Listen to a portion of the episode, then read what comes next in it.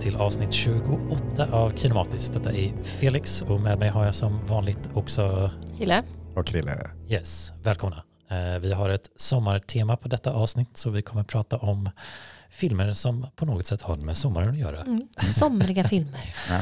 Det här blir också ett eh, avsnitt innan ett sommaruppehåll. Exakt. Så det är väl passande då att ha lite sommarfilm. Precis, innan vi tar sommarlov. Mm. Ja, vi kommer att prata om en eh, gammal sommarfilm senare. Sommar Mm. med Monica i alla fall. Ja. Av Ingmar Bergman. Mm. Men eh, först lite andra sommarfilmer. Ja. Och eh, Hille, vad har du sett? Eh, jag har sett Bonjour Tristesse.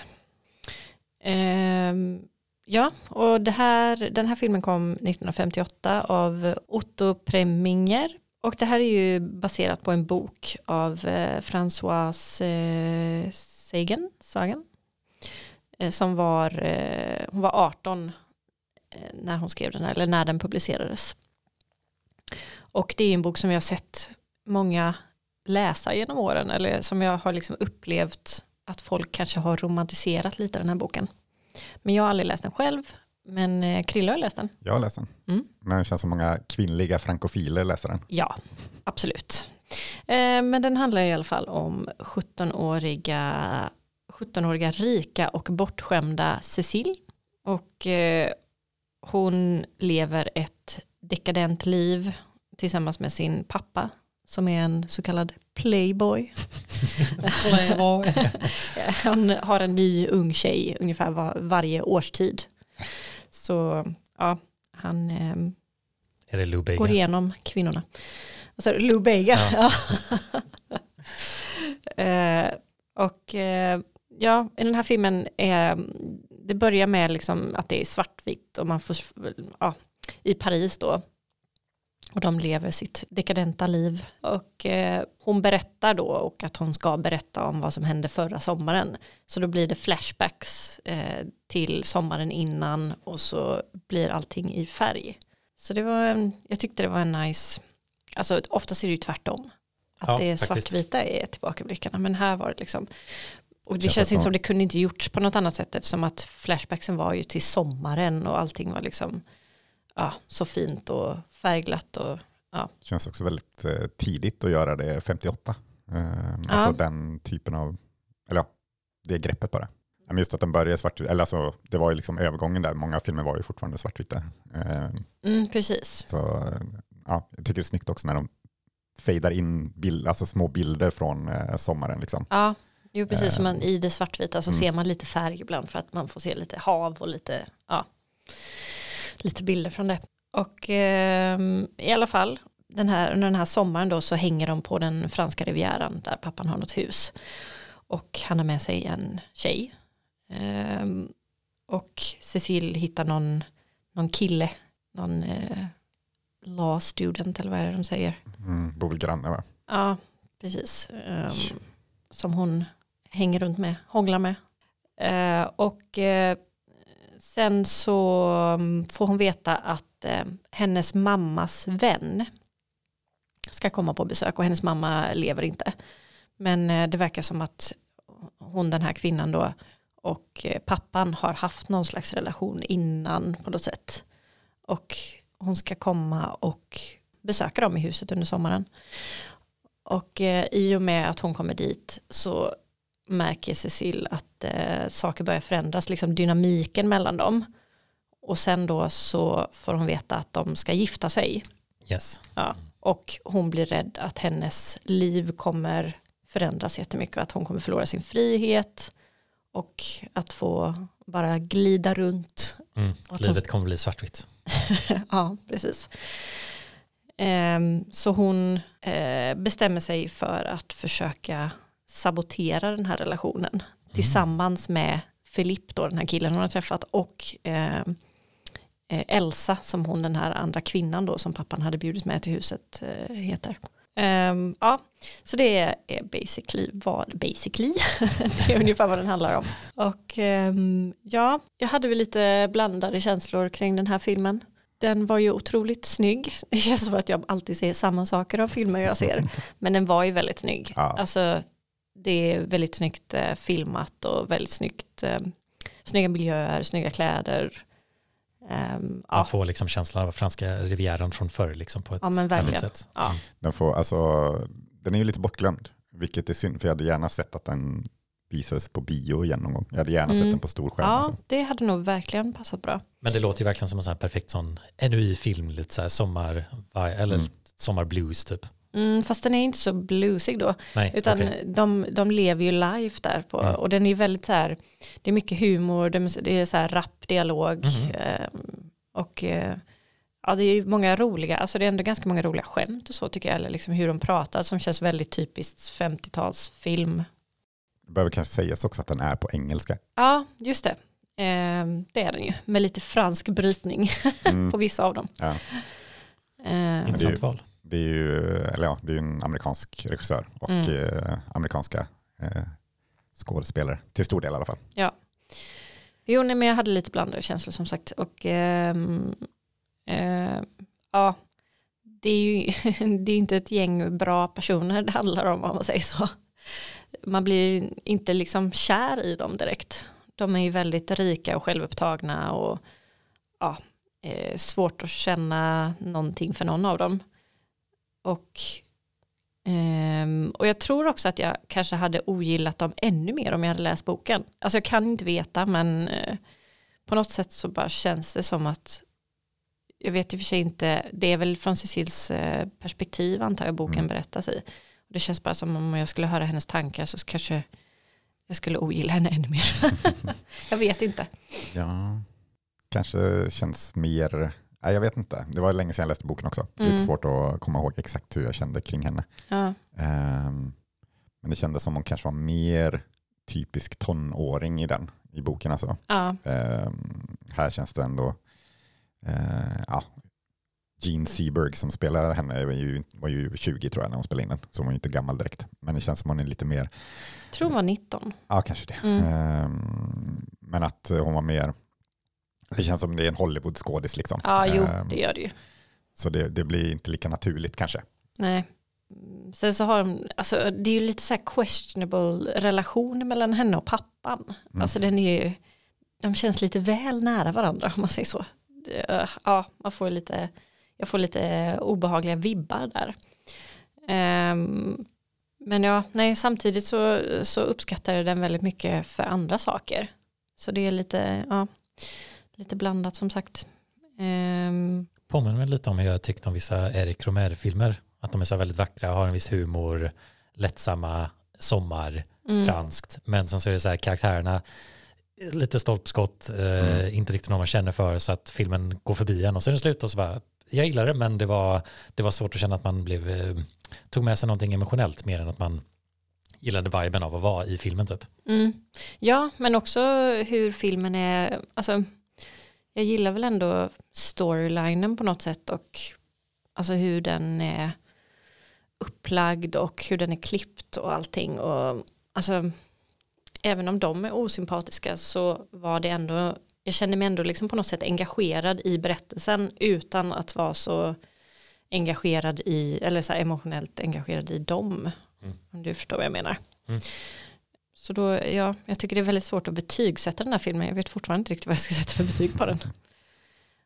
Och sen så förstår jag också att alltså, den här och att framförallt kanske boken då, eller jag vet ju att den fick ett enormt genomslag. Eh, och jag kan ju verkligen förstå det, för att det känns ju som att den är väldigt unik för tiden. Att det kan tänka mig att det fanns så många berättelser som porträtterade en kvinnlig karaktär på det här sättet. I alla fall väldigt få som kanske blivit populära. Eller Ja. liksom att det är få som slår igenom kanske. Och som var skrivna av en tonåring. Ja, jo, det är sant. precis. Ja, det är ja, också det. definitivt det. Mm. Ja. Vill du läsa boken då? ja, men kanske för att eh, se om eh, min, min stereotypa bild av den, eller eh, liksom eh, hur bra den stämmer överens. Jag, tror jag, jag tror jag har en trea på boken Mm. kanske. Eh, men jag tror jag har fyra på filmen. Eller tror jag vet, jag satte Ja. fyra på filmen för jag såg den häromdagen. Ja. Ehm, men det var nog mycket för att jag också, ja, den är som sagt, rent visuellt är den ju otrolig Mm. eh, på, på alla sätt och vis. Men jag gillar nog också alltså själva storyn. Jag, jag, eh, eller du var inne på att hon är rädd att hon ska tappa sin frihet och sådär. Mm. Jag tror, Ja. jag tror mycket också att hon är rädd att tappa uppmärksamheten och kärleken från sin pappa. Jo, alltså hon är ju rädd att bli det lämnad också. ensam. Liksom. Ja, Och, och jag tycker i- genom hela filmen, trots att det finns en humor och den känns ganska så solig och, och glad, liksom, så jag tycker den är väldigt sorgsen film på något Jo, sätt. men en det väldigt är det melankolisk typ. det är det ju verkligen. Alltså, särskilt då när man får se alltså, i början med det svartvita och Mm. hon berättar hur ingenting liksom har någon betydelse längre och hur hon känner sig liksom helt, ja, hon är inte glad längre, liksom. det finns ingen, ingen glädje i hennes liv.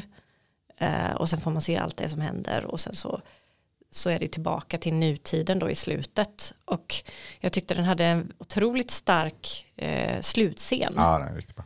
eh, som kändes väldigt eh, ja, där blev jag ändå liksom det påverkade mig ganska mycket för att jag vet inte om man om det är en spoiler att säga vad hon gör, alltså vad slutscenen är. Tycker du det Krille? Ja, hon- är ledsen. Hon är ledsen och hon känns lite manisk typ. Mm. Som att hon, ja, ehm, ja nej, jag vet inte, det var bara så välspelat och väldigt snygg scen. Och jag tycker det var ett, ett, ett väldigt bra slut. Mm. Ja, men det, kan ju, det, det gör en del med en, en film som man, om den har ett starkt slut, det kan lyfta. Mm. Ja, nej som sagt det, det känns som jag hade behövt ha lite mer eh, betänketid när det gäller den här filmen. Mm. jag såg den lite för nära inpå för jag känner som jag inte hunnit tänka färdigt om den. För den är ändå ganska komplex. Mm. Det finns mycket som spelar in. Alltså, hon är ju en bortskämd tonåring men samtidigt så, så förstår man ju alla de här grejerna som du också sa då så att hon är Ja, rädd men man för tycker, att... alltså, jag håller med om att man inte så här, ja, men, typ hejar på henne och hoppas att, eller så här, liksom, känner Mm. för henne. Men man, jag, jag tycker ändå synd om henne på sätt, för hon är ju så, hon är ju så liksom, extremt formad av sin far och hans Ja, usla ja. Eh, leverne. Liksom. Mm, Ehm, och man märker att hon också bara så här, ja, tar lätt på allting och framförallt med relationer och sådär. mm, Ehm, och och det, blir, alltså, det känns ju sorgset liksom, på något sätt. Eller man, man, ja, det är ja, jo, verkligen. riktigt ledsamt. Mm. Det är väl bara att jag har lite svårt för privilegierade rika Jo. människor och deras livsstil och liksom alla den, hela den grejen. Så därför blir jag genast lite skeptisk. Men samtidigt så förstår man ju att det ska vara mer eh, lager än så Mm. och mer komplext. Ja. Ja, nej, den får, eh, jag får smälta den lite. Mm. Kanske blev en, en dålig analys av den här nu, men eh, ja, Men det är som du säger också, i vissa filmer behöver man ju lite tid också. ja, Alltså ibland är det svårt att så här, direkt veta vad man känner. Mm, ja, verkligen. Eh, Men ska jag gå vidare då Yes. eh, till din film? Ja, Just det, jag var beredd att ta över men vi kör, vi kör Felix först. ja, jag har sett Spike Lees Do the right thing från 89. En film som eh, jag tänker ni också känner till. Du hade Jag sett den såg jag. Men Men du, när du skrev att du skulle prata om den så Mm. trodde jag du, jag, trodde, jag tänkte spontant på the, That thing you do. Eh, Tom Hanks som har regisserat om någon så här Beatles-kopia. Jag bara, varför ska han se den? Så jävla konstigt. Och sen bara, just det, Do the right thing. Ja, det är en sommarfilm. Ja. Men ja, den här är, jag vet inte i vilken ordning det är av Spike Lees filmer, men han, var, men han har ju skrivit, regisserat och producerat filmen. Det var väl lite av hans genombrott i alla fall. Ja, det är så mycket kan man nog definitivt säga. Eh, Men är ett porträtt av en, eh, ett neighborhood, alltså ett kvarter i Brooklyn. Och eh, karaktärerna och eh, folket som bor där och lite deras relation till den lokala pizzerian som drivs av en eh, amerikansk-italiensk eh, far och hans två söner. Eh, och man får följa då karaktärerna som bor i kvarteret genom deras dag. Det, det utspelar sig då på den varmaste dagen på sommaren under 24 timmar i princip. Och det blir ju lite racial tensions för att använda det på engelska, för, för svårt att säga det på svenska, eh, som bubblar och eh, kommer och till och från, eh, som lite växer under dagen på olika sätt. Men den, den eh, för, ja, eller jag- går väl in lite, den leder ju till något tragiskt på slutet liksom som känns tyvärr fortfarande väldigt relevant. Så att det var, det var en film som eh, absolut man borde se idag och det känns som att man borde kunna visa för att porträttera liksom ja, svartas eh, eller upplevelse av polis och rasism i USA idag och hur det fungerar, speciellt kanske inom deras kultur själva, liksom. inte mm. nödvändigtvis liksom, något utifrån perspektiv, liksom, utan den är gjord av Spike Lee som har tänkt på de här grejerna och upplevt liknande saker. Men det är, det är sjukt hur relevant den känns idag. Liksom. Mm. Ja, det, är väl, det är väl i övrigt bara en av de absolut viktigaste i afroamerikansk filmhistoria också. Ja. Liksom. Man, ja, ja. tänker jag. Och den, den lyckades väldigt väl med att den känns, den känns som att den skulle kunna vara en teaterpjäs på något sätt. För att mm. de här karaktärerna de blir liksom förhöjda varianter av sig själva lite. Men det känns inte som att det blir dåliga karaktärer. De är liksom förhöjda men inte att man sitter och rullar ögonen åt att oj, kolla vilken stereotyp det här är. Det, det är någon fin balans där mellan att de känns typ riktiga, välskrivna men fortfarande äkta eh, som jag verkligen uppskattar genom filmen. Men den har ju också verkligen den här det är en varm sommardagskänsla eh, och nu är det ju New York så att då betyder det att man liksom skruvar upp en sån här fire hydrant eh, och vatten sprutar liksom. Jag såg den nu häromdagen och det var ju varmt så att det var, man kunde verkligen känna av vibbarna av att det skulle vara svalkande. Mm. Eh, det är ju många skådisar man känner igen med i filmen också. Du har Samuel L. Jackson som spelar en radio-DJ som kommenterar lite filmen igenom och han blir ju lite som en berättarröst för att han, han ser ju saker som hans karaktär inte borde se. Han sitter liksom på en gata och tittar ut genom ett fönster och liksom så här kommenterar så här det är varmt idag och nu spelar vi lite musik. Eh, men ja, filmen då, man får främst följa då Spike Lee själv. Han är också skådis i filmen mm. som han brukar väl, han var i de här i början av hans karriär. Ja, han var mer vanligt tidigare tror jag. Mm, han är också med i den här She's Gotta Have It, spelar han också en karaktär. Men han spelar Mookie som är 25 år och bor med sin syster som är Spike Lees syster, som spelar hans syster. Eh, vilket är lite kul. Eh, och han är pizzabud och åt den här Sal's pizzeria som är lite då antagonisten i filmen. Eh, och han är väl lite audience stand-in gällande perspektivet men man hoppar lite genom dagen på olika. Eh, och den, den ja, det, det, blir liksom, den har inte någon sån där framåthavande handling utan det är ju lite mer vad händer under dagen på det här kvarteret liksom? Han går till pizzerian, han eh, käbblar lite med chefen Sal, han går och levererar en pizza, han möter folk på vägen och sen så gör han det ett par gånger under dagen och möter samma karaktärer men de har sina egna stories som lite fortlöper. Så det finns till exempel eh, en ung Giancarlo Esposito som är mer eh, känd som eh, Gus Fring från Breaking Bad bland annat. Han spelar en karaktär som heter Bugging Out som ja, alltid är ett neurotisk och eh, uppror i någonting och han, han är väl den som startar lite problematiken som leder till sitt explosiva slut med att han vill att Sal ska sätta upp en eh, bild av någon känd afroamerikansk på väggen av så Hall of Fame inne i pizzerian. För det är bara Itali italienska amerikanska personer, bara vita på väggen. Mm. Och det, det blir han upprörd över och vill bojkotta pizzerian, men ingen annan vill ju det för att de har ju vuxit upp på den här, den har funnits i kvarteret i 25 år. Så att det blir en konfrontation mot slutet av filmen som, ja, jag känner inte ifall det är riktigt spoilers gå in, men det blir polisvåld. Det blir mm. då en, mm. en karaktär som man har fått följa som, som dör i samband med den eh, eh, ja, eskalerade scenen när väl polisen kommer dit. Liksom. Eh, så ja, den, den har ett dramatiskt slut så sett liksom. Mm. Eh, och lägger upp lite frågan. Känns som delvis tesen av filmen är liksom det här med när är det okej okay att använda våld? Mm. Eh, eh, definitivt en fråga de ställer. Filmen slutar faktiskt med citat från Malcolm X och Martin Luther King som då hade ju olika åsikter om när är det okej okay att använda våld? Är det mm. ens okej okay att använda våld? Medan Martin King absolut inte. Malcolm X 100% ja ifall mm. det är självförsvar liksom. Då är det mm. inte våld, det är typ intelligens liksom, säger mm. han i citatet ungefär. Mm. Och ja, liksom, i, den lyckas liksom göra det intressant men också då måla upp det här kvarteret i Brooklyn. Så att ja, den, den lyckas med båda grejerna väl. Eh, kanske att den var lite lång, men sen så är den här sommardagen, det är en del humor, det är mycket musik, den är ju otroligt i sin tid med eh, 89 med färggranna kläder och eh, så att eh, den, är, den är verkligen markerad i sin tid, men inte på ett sätt som har åldrats dåligt. Nej, men han, han känns som han, i alla fall förut, var ofta, alltid bra på att liksom blanda politik med liksom starka och stark, eller liksom Både karaktärer. humor men ja. också minnes, ja, minnesvärda karaktärer. Mm. Och liksom, um, det, blev, det blev aldrig för mycket av någon bit. Liksom. Nej, nej. Framförallt i, ja, men i den här filmen också. Han har ju ett Black Clansman till exempel. Ja, Mord, där känns som man börjar tappa det lite. Ja. Eller känns som man är inte lika bra längre. Den är, den är rätt bra också. Ja, men på tal om just den Ja, mixen, men han, han, han vill ju få in det politiska liksom. Mm. Och det känns svårt att göra, men han, han är ju en av de bättre Ja, men jag på det. tycker Liksom. han eh, ofta lyckas ganska bra med Mm. i de jag har sett i alla fall. Ja, men det håller jag med om. Ehm, Men ja, nej men eh, eh, som, som du är inne på, han sätter ju verkligen stämningen. Eller alltså, Ja.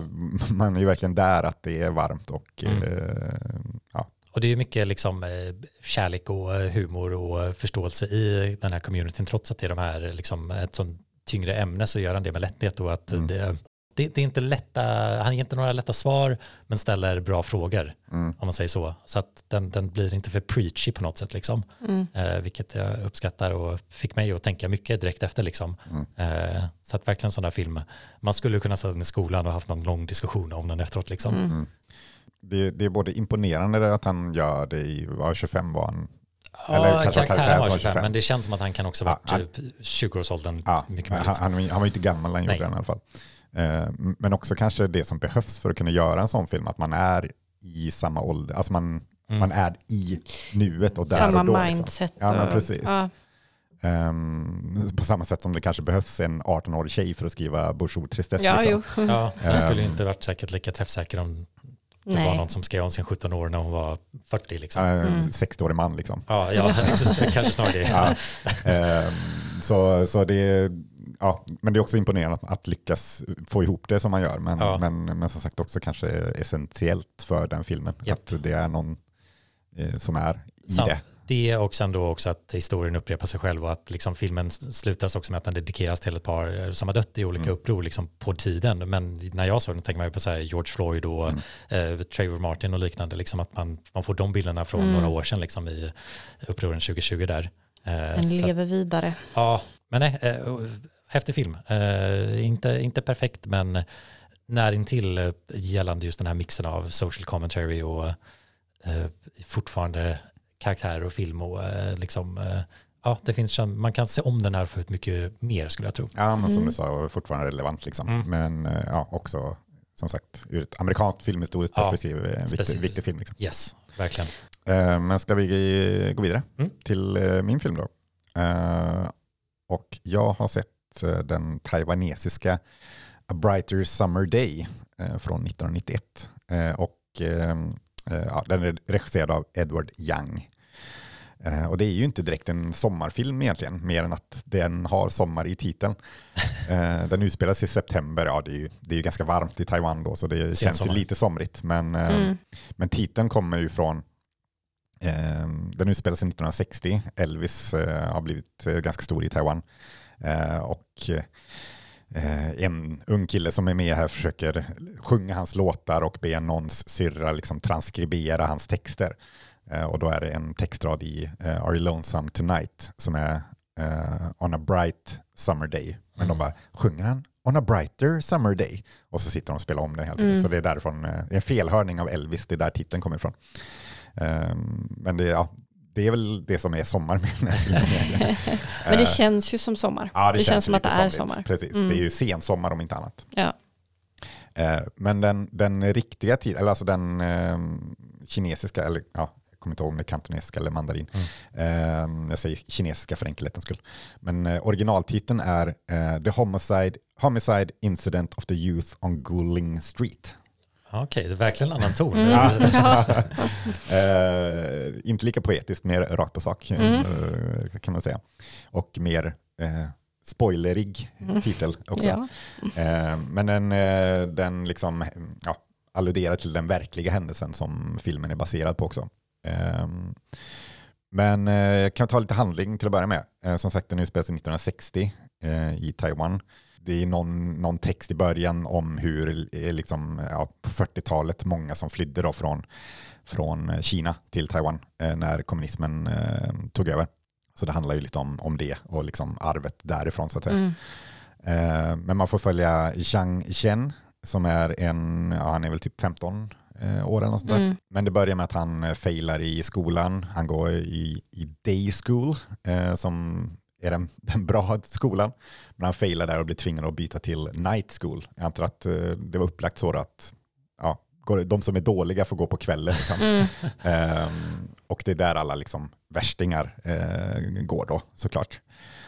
Um, vilket gör att han dras in i ett ungdomsgängkrig uh, i, i, um, uh, där han, i området där han bor. Då, mellan Little Park Boys och 217. Det är de två gängen som bråkar med varandra. Eh, och samtidigt som han eh, ja, lite motvilligt liksom dras in i det så, så eh, är det också, ja, han blir förtjust i ena gängets eh, eh, försvunna ledare flickvän. Ja. Le, ja, eh, nej, men ena gänget, han har liksom dragit sig, ja, för det, det hit is on så att säga, så ja. han har väl stuckit. Eh, men hans flickvän är kvar då, som han blir lite kär i.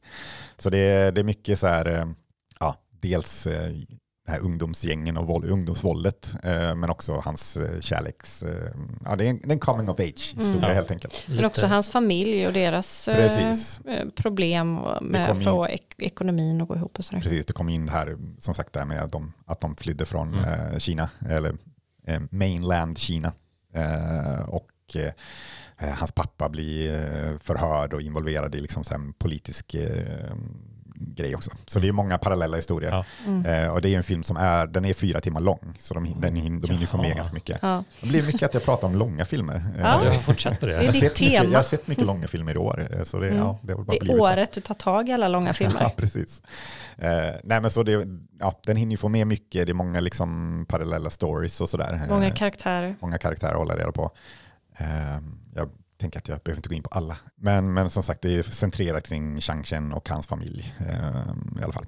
Men eh, ja, för det första så är den ju, alltså den är ju väldigt, väldigt, väldigt snygg. Mm. Alltså, ja. för, att, för att kopiera Hille här. Min konstanta mening, men precis. den är ju det. Den ja, är det, verkligen alltså, Den är helt skitsnygg. otrolig. Jag, ja. Jag har bara sett Gigi, eh, hans kanske mest kända film. Mm. Det, alltså det är någonting med hans bildspråk, hur han mm. liksom framar eh, scener. Ja. Eh, han är också ofta ganska liksom, eh, långsamma, eller det är mycket liksom så här, bara ett utsnitt. Liksom. Mm, lite ja. Oso-skolan. Ja, men lite typ. Um, men det är, det är svårt att säga exakt vad det är, men det liksom ingen ofta... gör det bättre. Typ. Alltså, jag har men... aldrig sett det bättre i någon film. Nej, precis, men ofta ser det ju väldigt mycket ut som jätte eh, noggrant avvägda stillbilder, alltså så här analoga foton med jättesnyggt ljus och jättesnygga färger och mm. liksom mm. allting är så balanserat och mm. det är så skönt att vila ögat på på något sätt. Ja, och så liksom, ja, men hur, hur, hur han liksom framar i framen med liksom dörr, dörrkarmar och liksom, ja. mm. eh, och det är, bara, det är bara så snyggt komponerat hela tiden. Mm. Eh, och det bara kommer hela tiden liksom varenda, varenda tagning är så snygg. Ja, många, många sådana känslor under fyra timmar. Ja, ja men precis. Det är nästan lite för mycket. Typ. Men, men, ja. men man, ja, nej, det är svårt att komma på någon som gör det så briljant. Men också så, alltså som sagt, jag har svårt att exakt sätta fingret på vad det är, men det är mm. så snyggt allting. Eh, en av mina favoritscener var ju när eh, han filmar en korridor och eh, Chang Chen och den här tjejen, Ming heter hon, kommer ut och ska prata med varandra och eh, kameran panorerar över till en liksom lackmålad eh, trädörr. Eh, och liksom, de går åt andra hållet, men man får se deras här, väldigt vaga reflektion i den här dörren istället. Och det var bara så snyggt. Mm. Helt otroligt. Eh, bara att välja att göra det. Ja. eh, men ja, så eh, visuellt, ja, en av de snyggaste filmerna man sett. Typ. Cool. Men det, det roliga med, med det är att jag hade ju liksom, när jag gick in och skulle se filmen, så jag hade ju liksom inställning att okej, okay, det här kommer bli, bli min nya favoritfilm. För jag hade inte läst så mycket om den. Jag gillar ju inte att läsa så mycket om filmer. Mm. Jag hade sett J innan. Jag visste att det kommer vara snyggt. Liksom. Eh, och den här är ännu mer hyllad än den. Den är plats 19 tror jag på Letterboxd eh, lista över bästa filmer. Eh, med på and Sound ganska högt också. Eh, så, så jag hade ju väldigt höga förväntningar.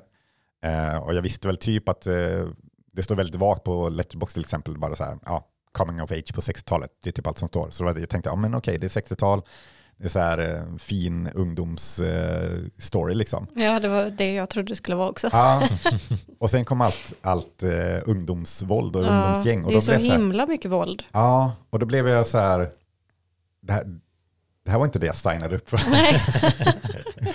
Så jag blev lite, jag blev lite tagen på sängen av det. Mm. Ehm, vilket gjorde att jag fick lite svårare att, och, ja, det, det är inte Ja. min nya favoritfilm, Nej. spoiler alert. Mm. Men, eh, men, men jag, det är intressant det där med just hur mycket man ska veta om en film innan. Och det här, Mm. jag hade nog kanske tyckt om det mer om jag hade vetat att det skulle vara det här. Ja, precis. Om du var förberedd på det. Nu, nu blev jag liksom, jag hade väntat mig någonting mer som J ungefär, som Mm, ju mm. är mer, eh, ja, vad ska man säga om den? Alltså mer, liksom, ja, mer familjedrama och mer filosofisk och, och, Mm. och tänkande också. Mm. Det finns det i den här också, men mer, han hade Goodfellas som eh, inspiration, Ah. till exempel som kom året innan.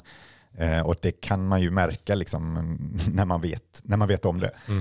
Eh, men så jag, alltså det är konstigt att säga besviken, men jag, ja, det var bara inte vad jag hade trott Nej, och jag var inte det- beredd på det. Nej, det är intressant när man liksom eh, försöker undvika spoilers eller för att veta mycket om en film för att Mm. man liksom vill inte, man vill bli överraskad av filmen. Men det, det, det händer ju några gånger när man har liksom skaffat sig fel bild för man har skaffat sig för lite information Mm. och liksom bygger upp den och får man, aha, det var inte, för liksom man vill ju gärna bli överraskad på ett positivt sätt att säga, aha, det är en sån här film. Mm. Det, för det är det som kan vara nice när man inte vet så mycket om film, man går in blind liksom. Mm. Att man får bara slås av vad det är. Men när det går åt fel håll så eh, det är intressant när det sker. Ja. Liksom. Ja, det är roligt för det känns som vi har haft exakt samma upplevelse. För att om man tittar på alltså postern eller omslaget Mm. eh, som är på Letterboxd då till exempel för den här filmen så ser det väldigt så här drömskt och romantiskt ut på något sätt. Eller så här, Ja, det, känns som är en det är drama. En, en tom eh, skoluniform liksom. Ja, precis. Eh, Det känns ju det känns ju liksom så här vackert ljus och det känns som att det ska vara liksom en långsam och så en poetisk eh, dramafilm. titel till det typ. liksom också. Ja, det, men, Typsnittet ganska så här vackert också. Liksom. Mm. ja, så det, det, det känns inte alls eh, som den filmen det var. Nej, För det Och- låter lite som att det kanske är lite kaotiskt nästan. eh. Ja, men den är ju väldigt intensiv. Många scener är ju väldigt liksom så här brutala och, Ja. och, och, Mm. och sådär.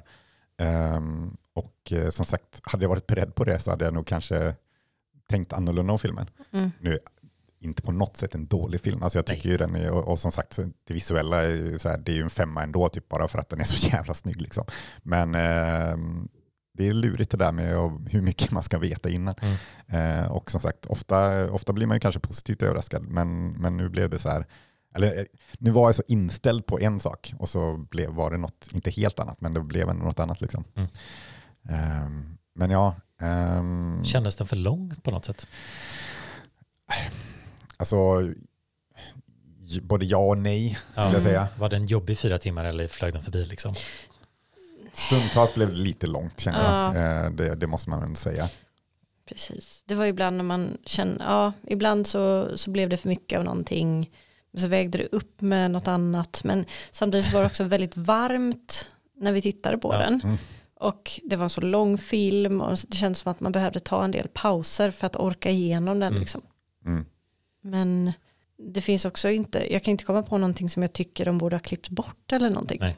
Det finns ju, den finns ju i, eh, jag tror de har klippt ner den till två timmar i någon version tydligen och eh, någon tre timmars. Men det här är väl liksom den originalversionen. Mm. Och nej, jag, jag kan hålla med, jag tycker inte heller att det är så här. Det var, det var ingen gång jag kände bara, men varför har de det här med? Det här kan de bara ta bort liksom. Ehm, så ja, det känns ändå rättfärdigat att Mm. den ska vara så lång. Liksom. Mm. Eh, Men som sagt, eh, framförallt om det är varmt där man ser den så blir det blir lite jobbigt i längden. Ja. Det kan jag Eh. eh, tänka mig. Men ehm, ja, som sagt, otroligt snygg. Men jag skulle nog, eh, jag, jag, jag håller J högre upp i sådana fall. Ehm, så den kan jag verkligen rekommendera. Men, mm, den det här, gör jag också faktiskt. ja, men Mm. den, som sagt, absolut ingen dålig film. Men är beredd på att det är ungdomsvåld bara. Ja. Ja. Så kanske det går bättre att se det. Kommer du ihåg vad vi sa första gången på fiken när vi snackade med varandra? Bara resa sa du. Nu kan vi det. Strunta alla som bara vill jävlas med oss. Jag hatar dem. De slår ihjäl varenda en. Alla de som vill hindra oss och vill att man ska krypa för dem. Nu kan de jobba med sina grunkor bäst de vill. Vi är inte med. Kom så sticker vi med samma. Från eh, tre snygga filmer till en fjärde snygg film då. Ja. Sommaren med Monica. Huvudfilmen. Ja, Den var ganska snygg eller? ja, ja. Det är 50-tal igen också. Ja, Det är kul. back to, back to the 50s. Svartvitt till och med den här gången. Ja, Mm. rakt igenom. Ja, ska jag dra vad den handlar om eller? Ehm, ja, vi kan säga att det är allas vår Ingmar Bergman som har gjort den. Allas vår Ingmar Bergman. Men baserad på en bok med samma Ja, namn. jag såg det. Ja, per Anders Fogelström, Mm. känd för Mina drömmars stad framförallt. Mm. Stockholms romantiker, Mm. ja, men, åtminstone. Det kan man ju känna. Ja, Ja, nej men eh, 53 är den här från.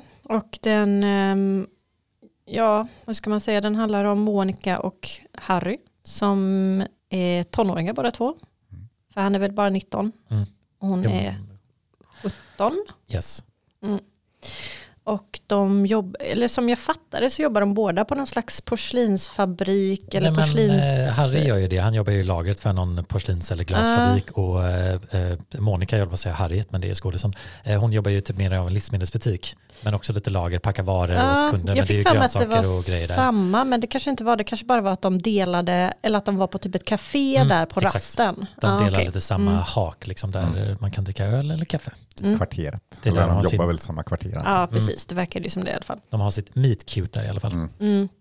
Och eh, ja, de blir väl båda ganska orättvist behandlade på arbetsplatsen. Alltså, Kanske inte bästa arbetsmoralen heller. dem. nej, nej, tonåringar. Eh, Ja. Inte för att man ska, inte alla tonåringar. nej, men Harry kanske för att han är ung och ny då. Och Monica för att hon är en ung tjej. Mm. Som männen ständigt ska se- sexuellt trakassera. Eh, fräscht. Men ja, de träffas i alla fall under en rast och eh, sen så börjar de ses. Och eh, Båda de, drömmer ju lite om att kanske bara ta det chill. ja, De är ju rätt trötta på sin tillvaro som sagt. precis, de vill väl fly den lite. Och, eh, så hon, och hon bor själv väldigt trångt med sin familj. Med många barn och hennes pappa som super hela tiden. Så de bestämmer sig för att flytta in i Harrys pappas båt över sommaren och flyr ut i skärgården. Det är väl ungefär det som Ja. det börjar. Liksom. Så här, fuck jobbet, nu sticker vi. Ja. Och ja, de lever väl först drömmen där ute. Väldigt idylliskt i skärgården. Nykära. Mm. Allting är väldigt romantiskt.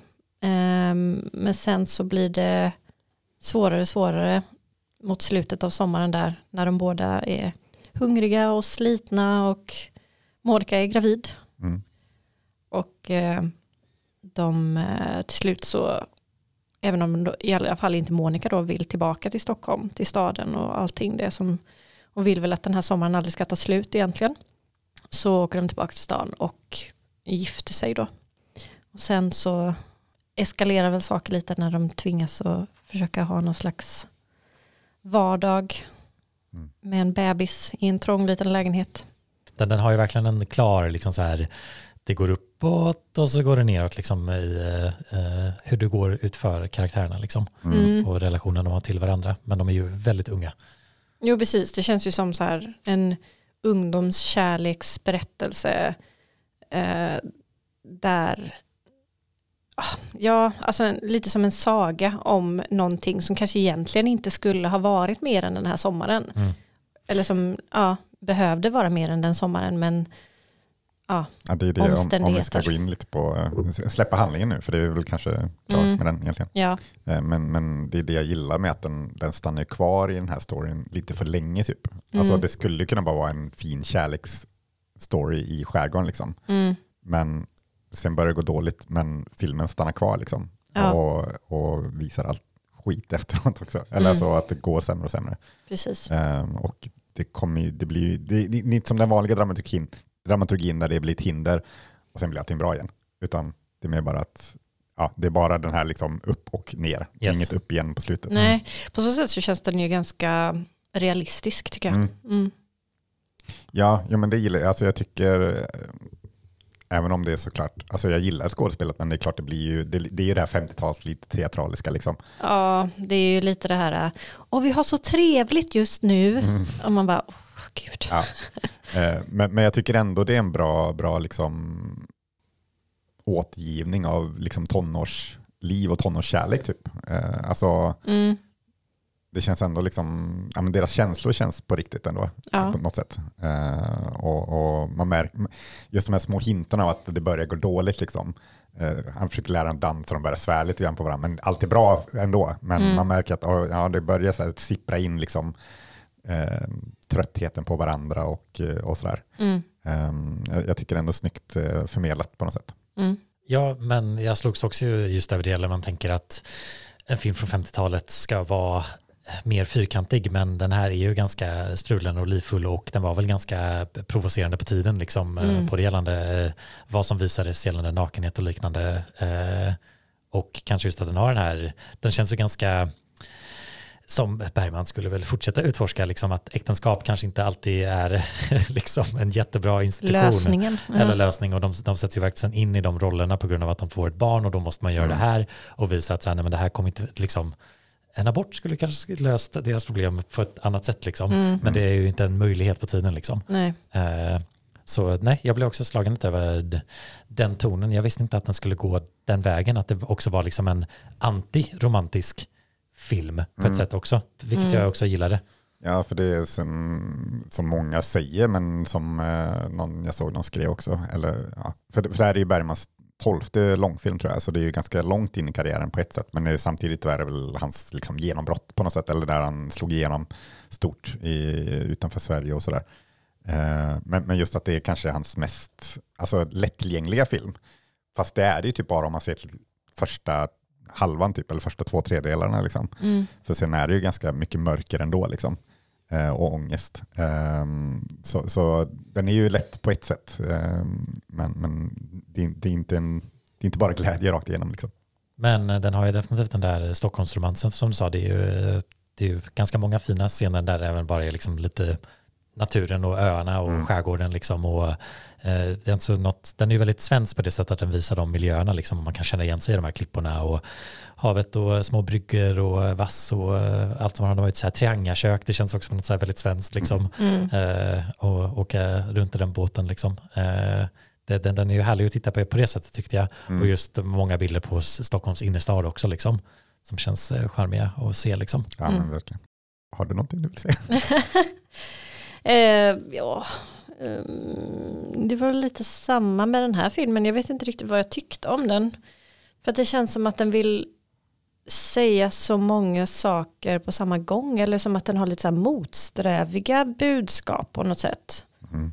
Eller lite svårtydd vad det är han faktiskt vill med den här filmen. Sen är den ju baserad på en bok också så jag vet inte hur mycket liksom som vad Bergman Mm. själv liksom ville förmedla eller vad han hade för tanke bakom någonting. Jag tror det han framförallt ville förmedla var att Harriet Andersson är jävligt snygg. Det var nog det jag ville säga framförallt. De hade ju ett förhållande innan filmen eh, gjordes. Mhm. Eh, och eh, ja, han ville väl göra en film för henne typ. Mm. Eh, eller ja, med henne och för henne. Hur gammal var hon då? Eh, hon var väl typ 19-20 när den här gjordes tror jag. Mm. Ja, något sånt. Och hon känns ju väldigt levande och bra i filmen. Alltså Liksom. hon har ju en jäkla energi och Ja. kemi, eller inte kemi men utstrålning har hon. Ja, Mm. och även det sticker ju ut, liksom man tänker att man ska se en svartvit film från 53, att det ska vara någon, att det ska vara mer kontrollerat på något sätt, men hon liksom gör sig större och känns mer som en äkta person liksom. Och Mm. det, det förstår jag att, liksom att hon fick en karriär efter det här. Jag har bara sett henne i Maj Settlings filmer, så det var första med Mm. Bergman jag sett eh, så sett, men ja, hon gör det väldigt väl och känns eh, väldigt levande i rollen som Monica liksom. Och Mm. gör ju också att det känns ju mer, det, det är ju, känns som att också jag uppfattar upp att mycket snack om, är det Harrys film eller Monicas? Men det är ju definitivt Monicas film liksom. Mm. Det, Mm. det känns inte, här, är- man får ju se mycket av honom och det är ju närbilder på honom och hans perspektiv, men det känns ändå som att det är mer Monicas story tycker jag. Mm. Jag funderade lite på det. eh, För den, den landar ju ändå i Harry på slutet. Liksom. Ja. Eh, Och att man får så här. ehm, m- men det, det, det gillade jag ändå, just att visa att det är en tonårskärlek. För när han så här, ska drömma tillbaka på liksom tiden med henne, då är det bara när hon är typ så här naken och ser snygg ut. Ja, Liksom. Han, ja. han har Det är ingen så här så, starka minnen av så här deras starka relation. Det är bara så här, ja hon var fan snygg alltså. Ja, Det, det tycker jag är kul. Det, jag tyckte det var ganska kul eh, grepp ändå. Jag vet inte om det var det som var tanken, men det blir ganska ja, roligt. men det att, känns eh, som ett så romantiserade, romantiserande av liksom den sommaren och plockar bara upp de eh, alltså verkligen Mm, ja, mest intima och finaste stunderna. mm. Det är det han minns liksom. Ja. Han minns inte allt det, det jobbiga. Eller väljer att minnas liksom. Nej, Mm. nej, precis. Jag tänker, jag tänker också att han väljer att minnas hennes fysik mer än, hennes, än än deras liksom Ja. gemensamma, eh, vad de nu hade gemensamt. Jo, Men- för det är väl just det att de kanske inte hade så mycket gemensamt och kanske inte hade så mycket att prata om egentligen. Det var väl kanske mest en fysisk attraktion ja, kanske. ja, men för, för jag tänker Mm. det är kanske det tonårskillar sin första kärlek tänker på Mm, mer ja. än något annat kanske. Ja, kanske. Eh, I don't know. Ja, han känns ju lite lost som person Harry. Liksom. Mm. Eh, Har inte, han vill inte jobba för att han känner inte han har något att jobba för. Men sen så då när Monica blir med barn så blir han så här, nu kan jag arbeta, nu kan jag Mm. liksom spendera nio timmar av mina dagar och göra allt för vår framtid utan att vara närvarande på något sätt. Mm. De har ju den här romansen när de sitter typ i skärgården och liksom pratar med varandra så här, och jag ska aldrig jobba och jag ska ta hand om barnet så ska du komma hem och få mat liksom. Och han bara, jag ska knega. Liksom att de båda har den bilden av att det är så här man gör. Och sen när det blir så så var det inte jävla kul. Nej, liksom om man typ hör det själv, man bara så här, har ni de här?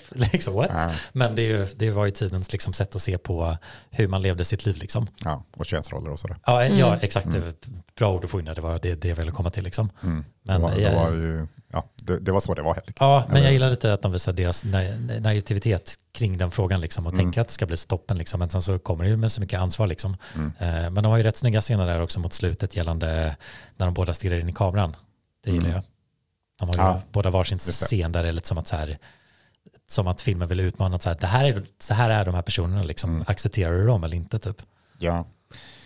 Eh, jag gillar, ja, som sagt den är ju det är en snygg film som vi sa. Eh, men det var ju innan eh, Sven Nykvist började fota för Ingmar Mm. Bergman som han ju jobbade med alltid. Eh, hans första film kom samma år, 53, i Gycklarnas afton. Men, eh, men det här var ju inte Sven Nykvist, men det är ändå väldigt snyggt foto, Mm. vilket väl säger att ja, Bergman hade ganska, ganska mycket att säga till om hur hans filmer skulle se ut, tänker jag. Ja, förmodligen. Eh, han hade, hade ju ett öga för eh, scener och sånt. Mm. För det gillar jag lite också, att jag tycker att filmen är ganska starkt visuellt berättat. Att för Mm. det jag tycker kanske är svagt, lite som du var inne på, att det är lite stolpig dialog Mm. Där de inte riktigt pratar som människor pratar. Nej, precis. Den, den känns ju Mm. inte särskilt välskriven, tycker jag, trots att det är baserat på en bok. Mm. Så det, var, det, tyckte, det drog ner filmen en, lite för mig när jag väl tänkte på den. Att så här, vad sa de? Och så har den här, de stöter på den här pojkvännen som Monica haft sen innan ut på Mm. öarna. Och det är typ en underlig fight-scen där de inte pratar alls med varandra. Ja, det är liksom det inget bara så här, händer. Ja, Eh, Våldet händer bara. Exakt. Och typ så här, varför gör du det här? Eller de vet väl, men det var också så underligt tyckte Mm. jag i efterhand. Eh, Ja, Först kände inte jag igen honom. Nej. Så jag trodde det var typ en tjuv som skulle så här Yes. råna dem på båten. Och sen så bara, men han slänger alla grejer i vattnet. Mm. Och sen bara, ah vänta det är han. ja. Eh, men nej, det, det, det tänkte jag på, stödde jag mig lite på just eh, Ja, att, men att det var som att han lyckades berätta det mer visuellt mm. snyggare än vad han gjorde via dialog. Mm. ja, ja, för det blev lite löjligt ibland med dialogen. Och, och ibland fick jag känslan av att de tänk, tänkte typ så här, så här pratar tonåringar. Att det var därför Mm. de sa sådana löjliga saker. Men jag vet, Mm. ja nej. Det var en del slang bara- också som var lite kul. Ja, nej men det blir lite eh, näst, nästan lite åt pilsner-filmhållet liksom. eh, Så här gamla klämkäcka Ja, 40-50-talsfilmer liksom. mm. Men jag tänker det är kul det där med, eller du, att den var så utmanande med sin nakenhet och sådär. Det var väl kanske inte så mycket i Sverige då, men framförallt när den, eller i USA så ehm, blev den ju liksom startskottet för den, den svenska synden och liksom hela Mm. den, eh, eller var, det var den här och eh, Hon dansar en sommar av Arne Mattsson som kom något år tidigare också. Men när den dis- skulle distribueras först i USA då, Sommaren med Monica, så klippte de in massa så extra nakenscener bara för att göra den ännu liksom typ porrigare nästan. Aha. Ja, de klippte ner den till en timme och så la de in lite extra så här nakenscener. Typ. Eh, och den fick ju titeln Monica, the story of a bad girl. Nej men gud. Och blev så här typ en exploat, eh, exploitation-film liksom. Eh, och, och därför, har den, därför blev den så liksom Mm. stor. Det är den, mest, alltså den största filmen i USA, eller Mm. den som flesta sett i alla fall. Eh, sen, sen släpptes den ju något år senare via mitt favoritdistributionsbolag Janus Film Mm. eh, och i sin vanliga form då och blev liksom, jaha okej, det, är en- det, det är faktiskt en riktig film det här också. eh, Sjukt. Ja, men så, så det blev ju liksom det här eh, ja, rädslan för Sverige och deras sexuella frihet liksom och, och ja, i, Mm. i USA då. Mm. Eh, Men det, det är en intressant resa för den filmen i Ja. USA. Ja, verkligen. Verkligen. Ja, för den, den är ju inte så lång filmen annars. Den är väl 90 minuter, något sånt där. Ja, ungefär. Den är ju ganska, eh, återigen, att så här, Kompakt. kompakt ja, Mm. men eh, på, på, på ett bra sätt. Så Mm. sätt. För det- som du säger, man, man är ju nästan med karaktärerna mer än man förväntar sig. Ja, Så att man får ju ännu mer av en epilog liksom, i filmen på något sätt. Liksom. ja, precis. Men det varit svårt att dra ut den till två timmar. Liksom. Det känns det ju... Mm. Mm. Det Mm. varit svårt. Verkligen. Nej, för de, de, har ju, de är ju bara liksom, har det skönt på skärgården en stund. Liksom. Mm. Utan att det är som att de, de, de djupnar ju inte varandras liksom, relation eller bakgrund så mycket. För de har ju en del lite skillnader mellan sig, Harry och Monica. Jag tänker just med familjelivet. För Mm. så som att Monica har det väldigt eh, sprudlande och livfullt och hektiskt och kaotiskt så har Harry det snarare liksom depressivt och stillsamt eh, då hans mamma dött och pappan är typ kroniskt sjuk och deprimerad. Mm. Och Jag tyckte så synd om pappa. Jag tyckte han var Ja. fin på Ja. något sätt. Ja, han känns tystlåten och liksom Ja. så här vill ha det Mm. lugnt och stilla liksom. Eh, Så det, ja kommer ju, verkligen Jaha, motsatta. du är här med Monica. Ja, men jag går och sätter mig i köket så länge. Mm. Ja, det var så, ja, nej, jag tyckte han var fin på något sätt. Mm. Känns lite som Alfons pappa på något sätt. ja, nu när du säger det. Och det känns lite som familjelivet speglar deras personligheter lite. Liksom. För Ja. Först tänkte jag så här, är Harriet någon så här proto, Mm. manic pixie, dream girl, eller lite så här strula. Jag bjuder dig på Mm. bio, liksom så här, tänd min uh, cigarett liksom. eh, I början där. Hon har ju lite Manic Pixie Dream Girl-tendenser.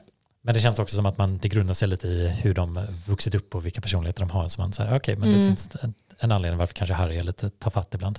Ja, och det är väl lite samma som i Bonjour Tristesse. Alltså att Monica, hon framställs väl lite som en naiv, omogen tonåring. Ja, Mm. jo, det är Harry mer som ska vara, uh, men han är Ja, ju egentligen som- lika ovetande vad han ska göra som ja, henne. herregud, det är han ju. Men, men det är liksom, han får ta rollen som någon som ska vara den mogna, exakt, och ta ansvar. ta Liksom. ansvaret. Mm.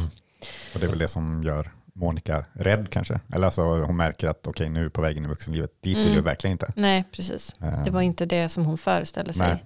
Hennes rosa drömmar. Mm. Samtidigt också som att eh, hon försöker framhålla att så här, hon ja, blir ju lämnad hemma hela tiden liksom, Mm. och kan inte göra någonting åt det. Liksom. Nej. Så hon vill ju rebell mot det, liksom, så som hon är rebell mot hennes jobb tidigare i filmen liksom, och stack Mm. iväg lite. Så det känns ju inte som att eh, det ligger ju på båda, liksom, men det är ju mycket enklare att svartmåla Monica. Liksom. Mm, precis, för att mm, det finns en bild av hur en mamma ska vara och det är hon som ska, liksom, en mamma kan inte bara strunta i sitt barn eller hon ska ta ansvaret. Det är Mm. hon som främst ska vara föräldern. Ja.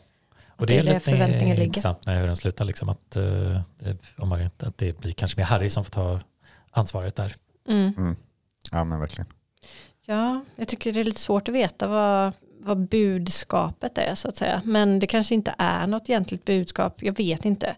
Alltså, för att det blir lite som att man kan se det som att Monica är någon slags kvinnlig karaktär eh, som haft det svårt i livet men hon är liksom hon är stark och hon slår sig fri och hon gör som hon vill.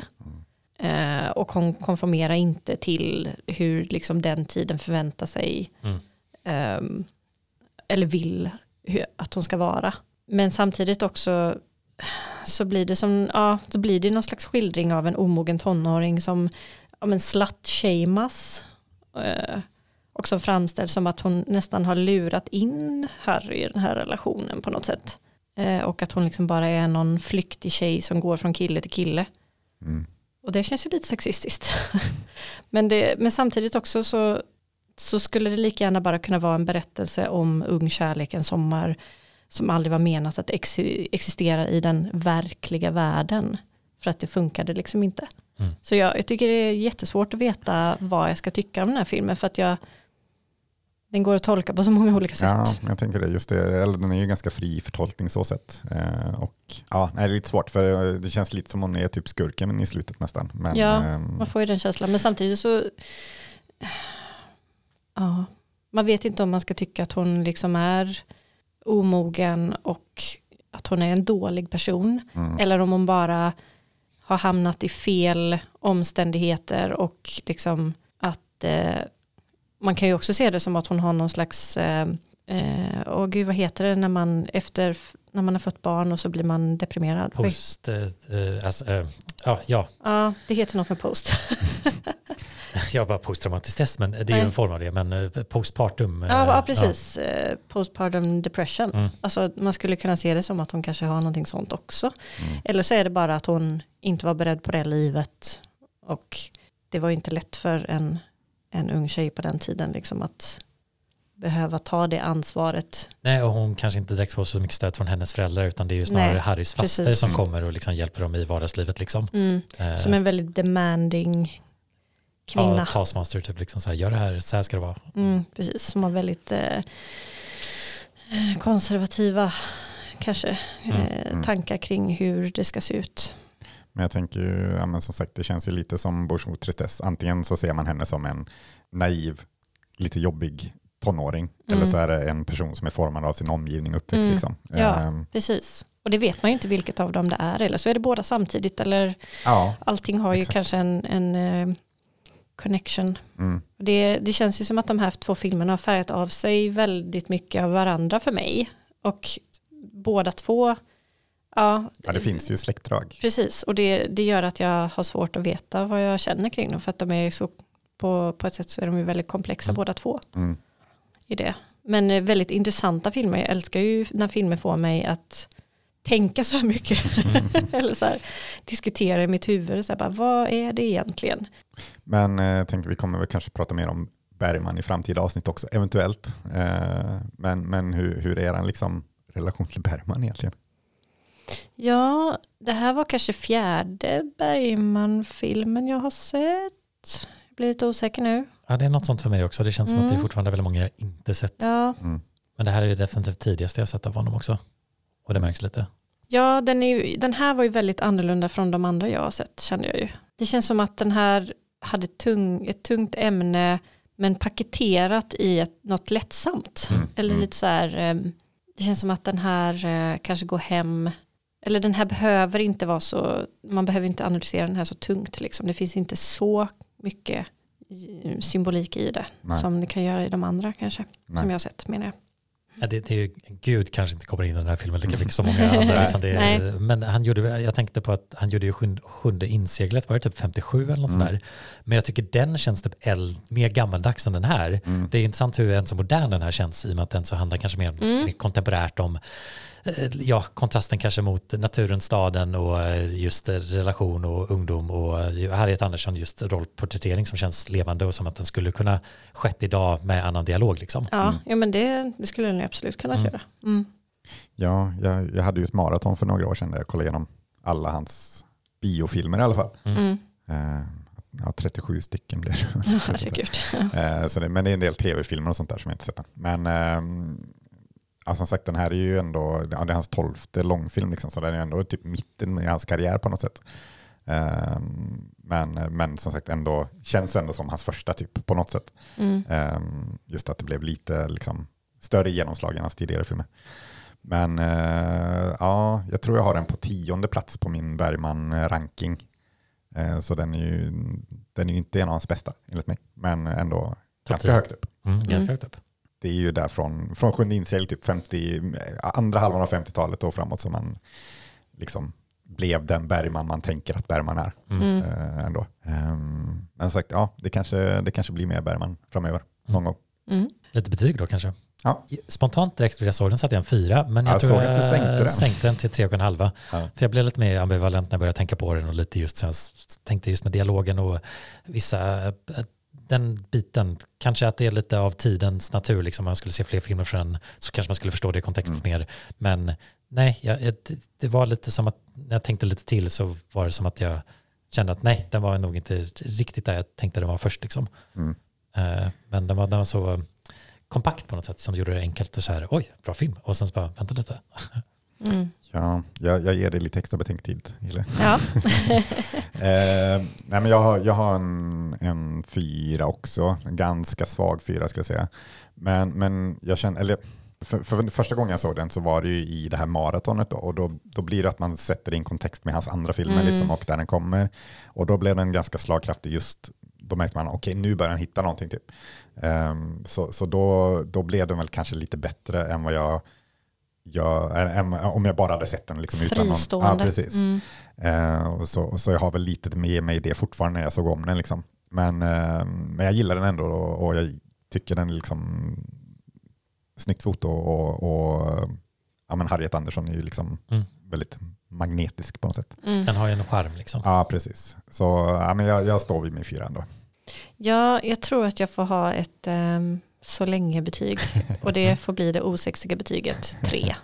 För att, ja. Tre och en halv är det osexiga. Ja, just det. Mm. Tre, ja, det hade jag glömt. Jag tyckte ja. att det var tre som var det osexiga. Nej, tre och en halv är ju det osexiga betyget.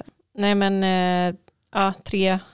Äh, det får väl vara det lite velande betyget då. Ja, men det känns som ett velande betyg. Mm. Man inte, antingen om det är någon man filmat sett förut inte kommer ihåg, ja men det kanske var en trea. Jo, precis. Det är ju ofta det betyget jag sätter på filmer som jag sett för länge sedan som jag inte riktigt minns vad jag tyckte om den. För det är okej att sänka till två och en halv eller tre och en halv. Ja, exakt. Eh, så det är väl det här mittenbetyget som ja, jag vet inte exakt vad jag tycker.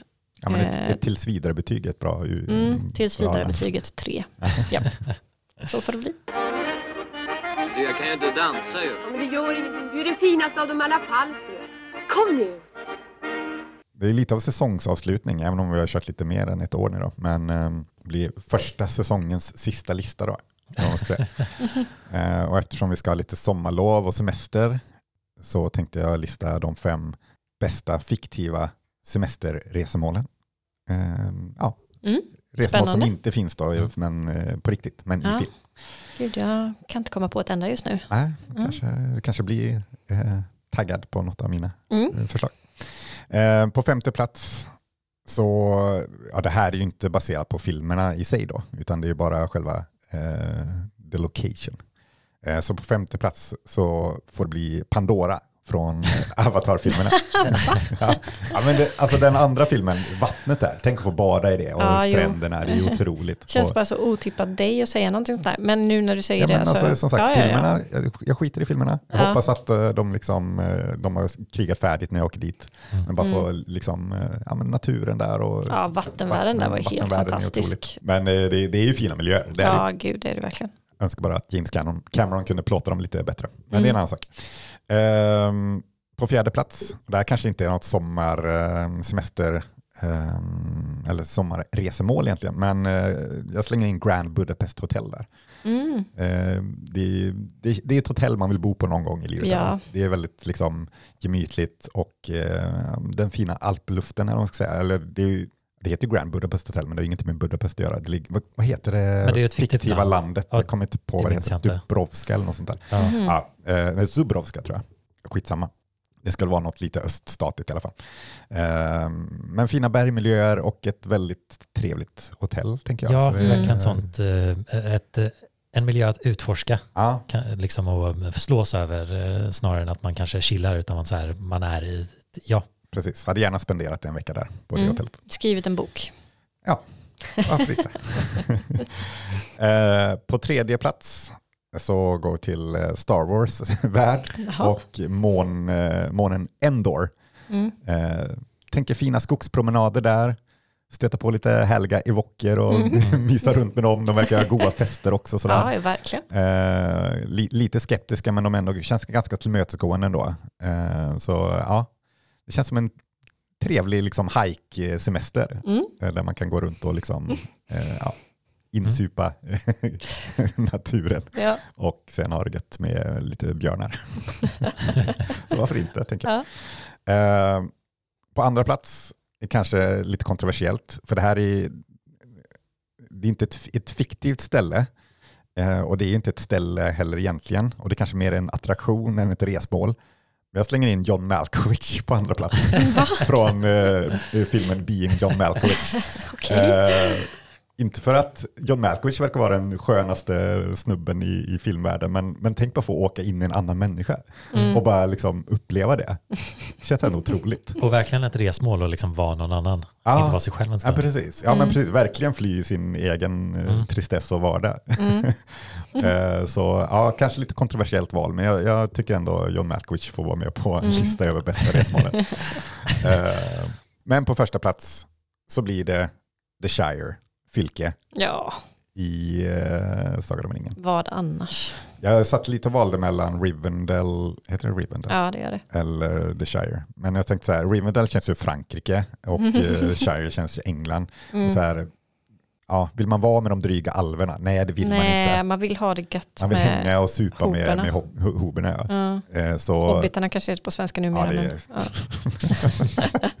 förlåt, jag är inte politiskt korrekt kring eh, ja, det är termerna precis, men jag rättade mig själv nu. Ja. Eh, men ja, ehm, det är ju härlig miljö. Det är, de är väl också lite så här, ja, svåra att ha att göra med eh, hobbitarna. Men, men bra fester kan de ändå få ihop. Mm. Eh, och eh, ja, men det känns bara gött där liksom. Ja, också så här mysig. De bor i de här små husen och typ odlar grönsaker och blommor och Mm. bara sitter och röker pipa och typ. Ja, men det känns som ett resmål man åker till och så bara, nej, jag vill, jag vill vara kvar här. Ja. Jag vill bo kvar. Mm. Eh, så ja, och det kan man ju besöka i Nya Zeeland om man vill. Mm. Och äter. Framförallt att de äter så mycket. Äter mycket. Det, Det känns mycket kött dock. ja, i och för sig kanske. Men Du får bli vegetarianen som ingen gillar. Första veganrestaurangen i. Hobbiton. jag äter potatis. ja, precis. Ja, potatis. Potatis som göd. Ja. Nej, men, eh, det känns som ett resmål som eh, man absolut inte hade eh, ångrat att åka till. Nej, verkligen inte. Så det var min lista över Ja. fem, eh, fem tips för semestern vart ni kan åka.